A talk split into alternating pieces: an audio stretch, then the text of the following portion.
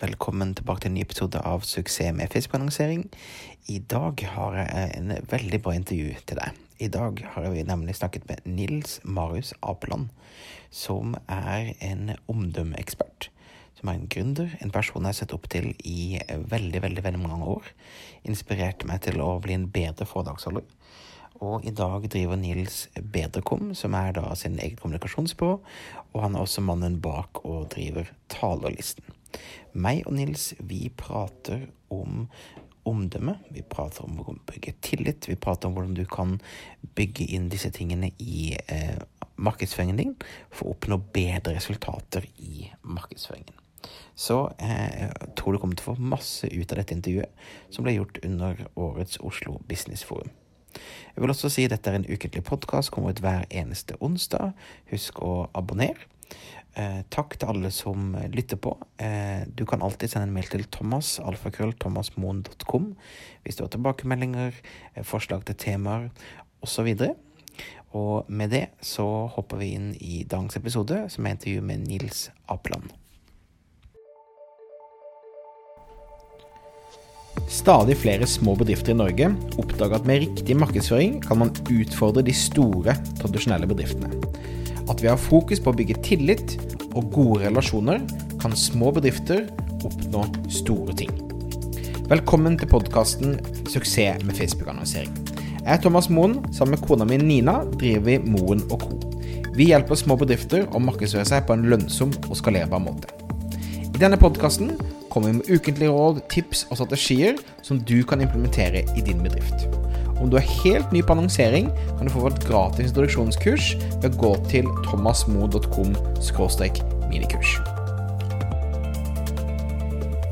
Eh, velkommen til, eh, til, mitt lille studio i dag, Nils. Tusen takk, det er ærefullt. ja, Som er restauranten i Oslo Business Forum, der jeg tilfeldigvis heldigvis hilste på deg. Um, og vi begynte å snakke om noe som jeg synes er interessant. Um, du har jobbet veldig mange år med, med omdømme ikke sant? Og ha en forståelse for det, og, og, hvordan du kan bygge et godt omdømme, hvordan du kan få folk til å stole på deg, hvordan du får tillit osv. Og, så eh, og noe av det som jeg tror lytterne mine sliter av og til med, er å, å klare å lage budskap som går gjennom til eh, de potensielle kundene sine. Eh, og ikke minst skape nok tillit til å få de til å kjøpe det produktet eller den tjenesten de selger. Så kan vi kanskje begynne med litt sånn generelt hvordan, um, hvordan bør bedrifter tenke i dag for å klare å uh, påvirke folk på en, på en positiv, en ikke creepy, etisk riktig måte? Det er mange ting de må gjøre, selvsagt. Men hvis vi skal dele opp uh, elefanten i biter, så jeg tror det aller først handler om å forstå kundens behov, eller forstå behovet eller situasjonen til den du skal overbevise. Jeg husker for noen år siden hvor jeg hadde fått uh, små barn. Jeg har tre gutter som nå begynner å bli store. Jeg husker at Da barna var små, så skulle vi kjøpe oss ny bil. Og jeg gikk inn i en bilforretning og uh, sa naturlig nok at jeg var ute etter en bil. Og så ble jeg dratt bort til en bil, uh, og så tar selgeren opp panseret og begynner å peke på ting nede i, nede i, i motorrommet. Og jeg er ikke i det hele tatt interessert i bil. Men han hadde stilt meg et par spørsmål. Hva er behovet ditt? Eh, jo, du har fått barn. Gratulerer. Hvor gamle er de? Å ja, sikkerhet. ikke sant? Kartlagt, Kanskje stilt to eller tre spørsmål til meg. Kartlagt litt bedre min situasjon og mitt behov. Så ville han sannsynligvis solgt meg den bilen. Han fikk jo aldri gjort det. Jeg kjøpte bil av en annen selger. Som et enkelt eksempel. Så det å starte med å stille spørsmål det kan man jo gjøre online, f.eks. hvis man driver en Facebook-gruppe, eller man har et nyhetsbrev, eller man er på andre sosiale kanaler. Stille spørsmål om hva som plager kundene, eller hva de drømmer om, eller hva de ønsker seg. En annen måte å kanskje se det på, er liksom å forstå konteksten og segmentere budskapene. Um, gjerne når man markedsfører, så har man kanskje ikke helt kommet til at man kan stille spørsmål. Men poenget ditt er jo egentlig like uh, sterkt med at uh, så lenge du forstår hvem de, du, snakker til, og hva de slags behov de har, så kommer du litt videre da også. Riktig, og det må man gjøre ikke bare på et overordnet nivå. type sånn, Ok, kunden har 200 000 og er ute etter en rød Ford. Du må forstå, i hvert fall så godt du kan, hva er motivasjonen for at den kunden skal bruke akkurat deg. Et annet, eksempel, Jeg driver jo talelisten.no, som jobber med formidling av foredragsholdere. Hvor du også er en av dem. Og Det vi merker, er jo at en av våre viktigste jobber det er å gjøre kundene trygge på at de velger riktig. Slik at Britt, som da bestiller en foredragsholder, jeg vil at hun skal kunne gå til sjefen sin og si nå har jeg funnet en person, han, jeg vet han er bra. Og så vil jeg at hun etterpå skal få klapp på skulderen av sjefen sa så bra du skaffet den foredragsholderen. Så vår jobb er å gjøre henne trygg, ikke bare sørge for at transaksjonen går gjennom til best mulig pris. Så jeg tror det er veldig viktig, enten om du selger til konsumenter eller til bedrifter, å forstå motivasjonen også til hvorfor kundene kan tenke seg å handle med deg. Kjempeinteressant. Og hvordan uh, gjør dere i talerlisten Britt trygg, da? Vi gjør det bl.a. ved å snakke med henne. Eh, ikke gjøre alt på e-post. Det var en av de tingene jeg eh, trodde da jeg startet dette for to og et halvt år siden. At her skal vi bare sitte og være en sånn mellommann som sender mailer fram og tilbake. Men nei, eh, kollegaen min Sara og jeg vi snakker snakker mye med kundene. De forteller oss ja, vi er ute etter sånn og sånn. Det er viktig at han er litt morsom, for i fjor så hadde vi en som var litt kjedelig. Eller vi har hørt Thomas Moen, og vi har hørt uh, Ingvild Moen, og nå lurer vi på en annen. Og dessuten så er en del av de som sitter i publikum, de snakker engelsk, så har dere det. ikke sant? Så det handler mye om å avdekke behov. Og den samtalen kan være 10 minutter, 15 minutter, 20 minutter. Og da oppnår du to ting også. Du får kundens eh, behov avdekket, og kunden får eh, åpnet seg og snakket om ting de er opptatt av. Altså de føler seg sett. Det er også ja. viktig. Ikke sant. Så lytting. Lytting. Ja, men det, det, det, er, det er jeg helt enig i. Eh, eh, vi snakket også om, eh, om Robert Cialdini sine seks prinsipper. Eh, og da hadde vi da en som er veldig glad i, som er da reciprocation, som vi på norsk kalte Gjensidighetsprinsippet, kan vi kalle det. Ja, Kan du forklare litt om gjensidighetsprinsippet? Ja, altså Gjensidighetsprinsippet er liksom verdens eldste sosialpsykologiske eh, triks, om du vil, eller prinsipp. Og Det handler om at når du gjør noe hyggelig, gjør noe hyggelig overfor meg, f.eks. at du spanderer en kopp kaffe eller lunsj, eller du inviterer meg på noe og gir meg en gratis billett, så har jeg en slags underliggende følelse at jeg må gjøre noe tilbake til deg. Eh, det var veldig enkelt for meg å takke ja til å være med på dette når du spurte for noen timer siden.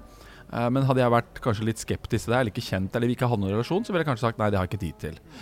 Og i businessverden og salgsverden så kan det f.eks. være å dele gode ting uh, i sosiale medier. Eller med kundene. Last ned vår guide. Slik blir du en bedre innkjøper. Eller her er våre beste tips til hvordan du blir kvitt uh, e-postspam.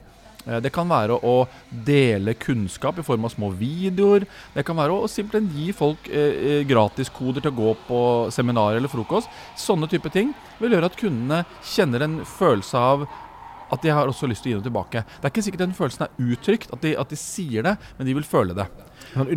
Ja, Alle lytterne har sannsynligvis opplevd følelsen av uh, å bli invitert bort til noen, og så får de litt følelsen av at nå er det vår tur å invitere tilbake. Eh, det, det, snakker kona mi ofte om. Ja, nå, nå, er det vår tur til å ha Per og Kari på besøk for, fordi vi var hos dem forrige gang. Og Det er akkurat det det handler om. Eller om du har vært i Egypt og handlet og blitt invitert inn i mange av disse bodene. Så får du en kopp te, barna får et, uh, en boks med brus, og så føler du at jeg må kjøpe noe. Det er det det handler om. Så spørsmålet til eh, du som lytter er hva kan du gjøre for kundene dine som er hyggelig, vennlig, en gest, eh, en deling, som gjør at de liker deg litt bedre og har lyst til å gjøre noe tilbake. F.eks. da kjøpe ta et møte, et eller annet sånt. Ikke sant. Ja, men, og, og det tror jeg det tror jeg er et veldig godt tips de fleste kan, kan begynne å gjøre noe med en gang. Og det, det, handler om Jeg kaller det verdiinnhold, eller nyttig innhold. ikke sant? Det handler om at um, du har nok uh, innsikt og forståelse til hva du faktisk kan, kan lære bort, eller ja. få de til å forstå på forhånd. Og det interessante syns jeg, da, for jeg ser jo på den sosiale medier-arenaen, hvor du er en aktør og flere andre aktører, de som lykkes best, det er jo de som gir mest. De som heier, trykker 'liker' og 'lykke til' og gratulerer og hjerter og tomler opp osv., det er de som har flest følgere og ofte blir referert til, og som kanskje også får flest kundehenvendelser. Fordi de, de, de deler Kall gjerne kjærlighet, omtanke, omsorg.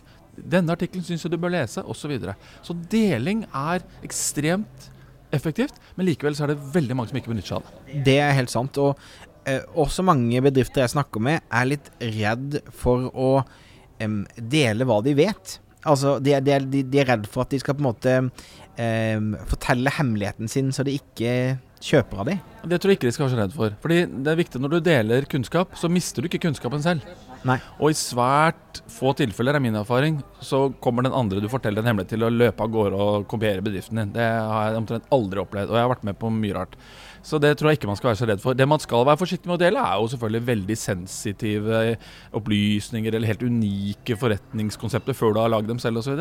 Men du kan dele veldig veldig mye uten at du gjør noen ting. Ja, det tror jeg også. Jeg pleier å si eksempler med at uh, de beste Michelin-kokkene som har kjempe fancy restauranter har som oftest også uh, kokebøker og andre ting der de liksom deler alle oppskriftene ja, sine. Og de er fortsatt populære, og fortsatt folk trekkes til Ja. de. For autoritet er jo også en på en måte eh, en av Cialdini sine prinsipper. Mm. Eh, hvor viktig er det å ha autoritet, tror du, i dag som en bedrift? Ja, Autoritet kommer jo i mange forkledninger. Autoritet, En bedrift kan jo i seg selv være en autoritet. At en, en kjent merkevare på en måte er en autoritet. Men i salgs- og markedsføringssammenheng og kommunikasjonssammenheng så handler det nok mer om å henvise til andre som har kjøpt, andre som har brukt. Eh, vi kjenner det fra gamle dagers tannpastareklamer. ikke sant? Hvor står at ni av ti tannleger anbefaler Solidox. Eller, eller i, i dyreverden, jeg har hund, ikke sant? så står det at den og den kjente hundeoppdretteren bruker dette fôret osv. Så, videre. så det handler egentlig om å finne noen ting som du kan fortelle kundene dine, enten i møte eller på mail eller i en andre sammenhenger, som gjør at de tenker å ja, hvis han er kunde, eller hun har kjøpt det, eller de bruker denne softwaren, eller de er gjest her, da er det sikkert bra. Så du må velge eh, en autoritet som oppfattes som relevant for din målgruppe. Og Jeg har jobbet for med markedsføring mot ungdom. Og En av de tingene vi fant ut da, jo, og som er vanskelig da, og utfordrende, det er at det er veldig variabelt hvem som er en autoritet for hvem. For noen så er da eh, en kjent fotballspiller en stor autoritet og en stor helt, mens for andre kan det være en rockestjerne eller en blogger eller en YouTuber. ikke sant? Så du må jo også her ha radaren på, slik at du vet hvem er en autoritet for dine følgere, din målgruppe, din potensielle kundegruppe. Ikke sant. Eh, Siste lille eh, prinsippet jeg kunne tenke meg at vi, vi, vi går litt i dybden på, handler om tillit. Mm, Jeg, eh, jeg snakker mye om tillit for det at det er så mye støy der ute. Det er så mange, hva skal jeg si, eh, muligheter og store lovnader og store ord. Eh, jeg merker sjøl min markedsføring for et år eller et halvannet siden var veldig amerikanisert, så jeg var veldig opptatt av å snakke om inntekter. Jeg var veldig opptatt av å snakke om masse ting som eh, kanskje egentlig ikke bygget tillit for det at kulturen i Norge er litt sånn annerledes. Um, og og, og hva, slags, hva slags ting tror du bedrifter kan gjøre for å um, ha mest mulig tillit til de som velger å lytte til dem? Det er et stort spørsmål. Ja. Men det handler om små ting. Vi har hørt det litt på konferansen her i dag. Uh, og for de som ikke har vært der, veldig kort. Uh, man snakker om disrupsjon, teknologi osv. Men veldig mye handler også om den menneskelige faktoren. Det å gjøre hverandre tjenester, det å være oppmerksomme, det å hjelpe hverandre osv. Og, og tillit kommer også gjennom små handlinger som menneskene i bedriften gjør. Så jeg mener at eh, hvis vi deler opp en stor virksomhet i små biter, så handler det om hva mennesker gjør på jobben hver dag. Hva skriver de i e-postene sine, hvordan snakker de til kundene sine osv. Der vil jeg faktisk anbefale en bok som heter The Culture Code, eh, skrevet av Daniel Coyle. Og En av de tingene han skriver om er hvordan skaper du gode kulturer i bedrifter. Og Han trekker fram det han kaller for cues, altså så små ting.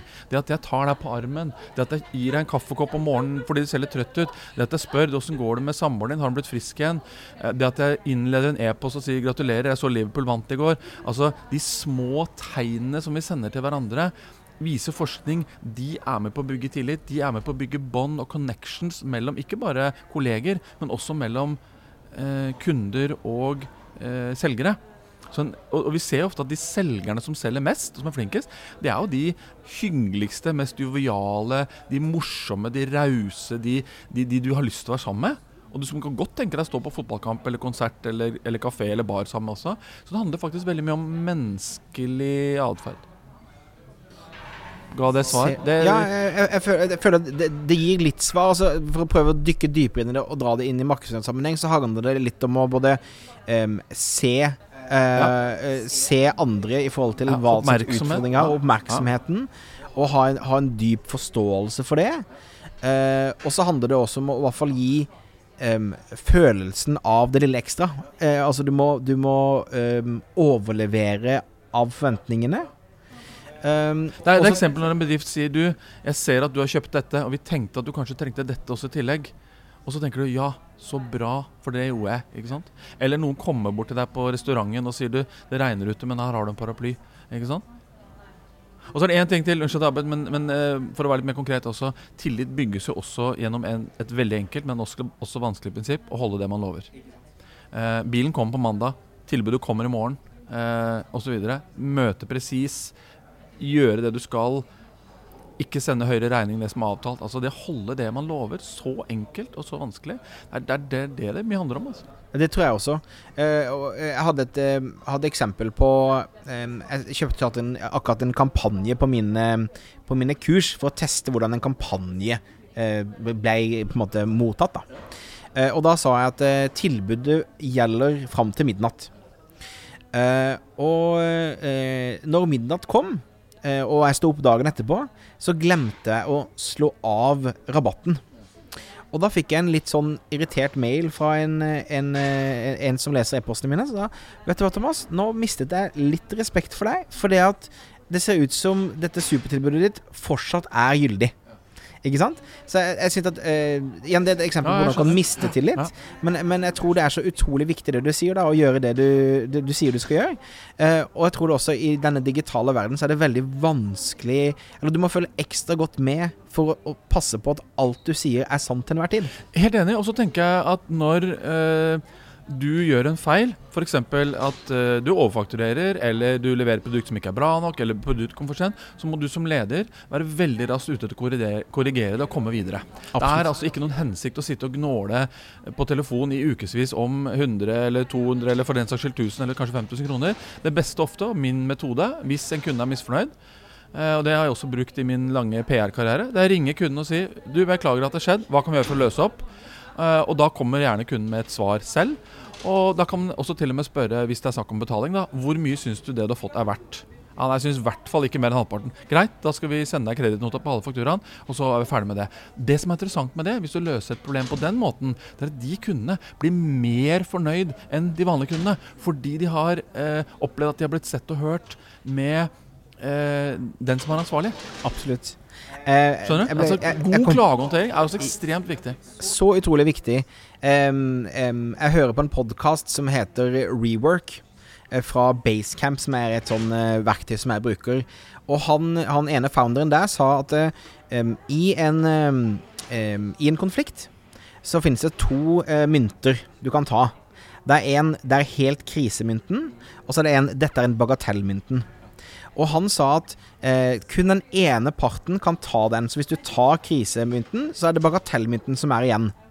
Ikke sant? Så hvis, hvis det er da sånn som med denne personen som da fortalte at dette var helt forferdelig, eh, så tok jeg krisemynten med en gang. Så vet vet du hva, det er jeg helt enig i. Dette er skikkelig dårlig av meg. Her har ikke jeg fulgt med, og beklager for at jeg har gjort en feil. Dette har skjedd, eh, og er det noe jeg kan gjøre for å gjøre det godt igjen? Og da hadde vedkommende bare bagatellmynten igjen. Så da, nei, men vet du hva, det går greit, Thomas. Det er ikke noe, det er ikke noe stress. Og jeg synes det, det er en litt sånn fin måte å si det på. Så hvis, hvis du hele tiden velger å se at dette er det For kundene dette er det, eller du må liksom, dette er det viktigste å ordne med en gang, og det er, dette er full krise, eh, så er det mye lettere for folk å Eller lettere å avvæpne en situasjon, da. Og da er det ekstremt viktig, mener jeg, at ledere må gi sine ansatte autoritet til å løse opp i dette. Vi har Oh, yes. lest på Facebook og hørt i dag om, om SAS eller andre store selskaper som altså ikke klarer å behandle mennesker ordentlig.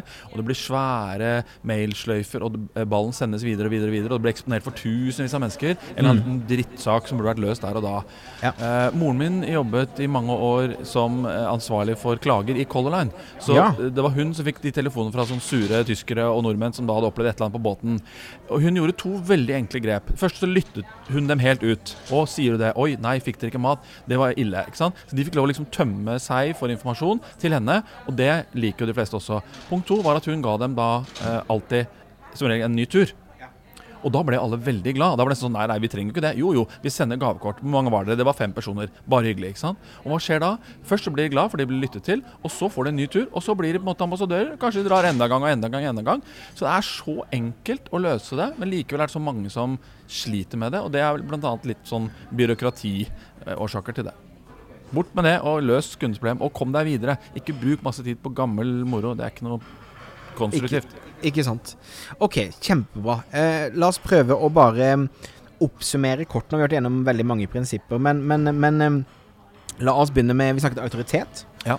Viktig, og, og da gjerne med at eh, du er kulere hvis andre sier du er kul. Ikke sant? Så at kundene dine eller eh, en eller annen fagperson forteller at du kan den kompetansen Ja, du har. Autoritet handler også om å gi kunden en trygghet. Kanskje de aldri har handlet en vare som du tilbyr, en tjeneste som du tilbyr før. Penger Og hvis du da fletter litt inn og sagt at vet du hva, vi tegnet akkurat en kontrakt nå med selskap ABC, og så tenker de ja, men de har jo tillit til, eller de har hørt om, oi, de er flinke. Så du trenger ikke skryte, men du kan, du kan nevne andre som bruker produktet ditt, eller noen som f.eks. har skrevet positivt om det eller omtalt det. Så det er autoritet. Og så hadde vi gjensidighetsprinsippet, Ja. som handlet om å og by på noe, dele noe, være raus. Og da vil den du selger til eller ønsker å påvirke, ønske å være raus tilbake. Du får, du får altså igjen når du deler. Ikke sant. Og så hadde vi tillit på slutten. Vi snakket om tillit, og det er jo egentlig ikke et prinsipp. Tillit er mer en konsekvens av eh, atferden din. Og da mener jeg at det, er, mange av de små tingene vi gjør i hverdagen. Måten vi snakker på, måten vi ser hverandre på, e-poster, tone of voice eh, i sosiale medier. Kan du si stilen vår, disse små cuesene som det kalles, er viktig. Og så nevnte jeg da innledningsvis dette med viktigheten av å lytte og forstå. Og, og bruke god tid. Og jeg får ofte spørsmål når jeg holder foredrag. Ja, men eh, vi er så liten bedrift, vi har ikke råd til sånne store markedsundersøkelser. Og da er mitt svar som regel men du har råd til å invitere en kunde på lunsj i ny og ne. Gjør det. Ring kunden. De blir veldig glad. Du, hei, det er jeg som er salgssjef i eh, firmaet ABC. Eh, du er kunde hos oss, det setter vi stor pris på. Kunne jeg få lov å invitere deg på en times lunsj og høre litt hvordan du opplever det er å være kunde hos oss? Svært få vil takke nei til det, og du vil garantert komme hjem med god informasjon. Men du skal ikke bruke den lunsjen til å selge noe, du skal bruke den til å lytte. Hva kan vi gjøre for deg? Hva er du fornøyd med? Hva kan bli bedre? Hva ville du gjort hvis du var meg? Jeg tror det er et perfekt sted å avslutte det med, med, med det, og jeg tror eh, Ja, vi må alle bli litt flinkere til å lytte. Så da syns jeg vi skal oppfordre de som lytter til dette, å skrive en mail eller en messengerbeskjed eller en snap eller hva som helst til Thomas eh, hvis det er noe de liker, eller hvis det er noe de syns kunne blitt bedre. Så kan du og jeg lære av dette. Veldig hyggelig. Send en mail til thomas at thomasmoen.com, eh, så ser vi fram til å høre fra dere. Takk skal du ha, Nils. Tusen takk. Var intervjuet mitt med Nils Apeland. Jeg håper at du fikk like mye ut av det som det jeg gjorde. Det var en, en god, inspirerende samtale. Ehm, tusen takk for at du har lytta på. Jeg minner om at du kan abonnere ehm, på denne podkasten som kommer ut hver eneste onsdag. Eh, om du har spørsmål eller feedback, send e-post til thomas.thomasmoen.com. Om du ønsker at noen hjelper deg med annonseringen, så har vi akkurat nå en kampanje på fbpluss.no, fbpluss.no. Her kan vi hjelpe deg til å lykkes med Facebook-annonsering hvis du syns det er for vanskelig eller for tidkrevende å gjøre det sjøl. Ok, vi høres igjen i neste uke. Ha det fint.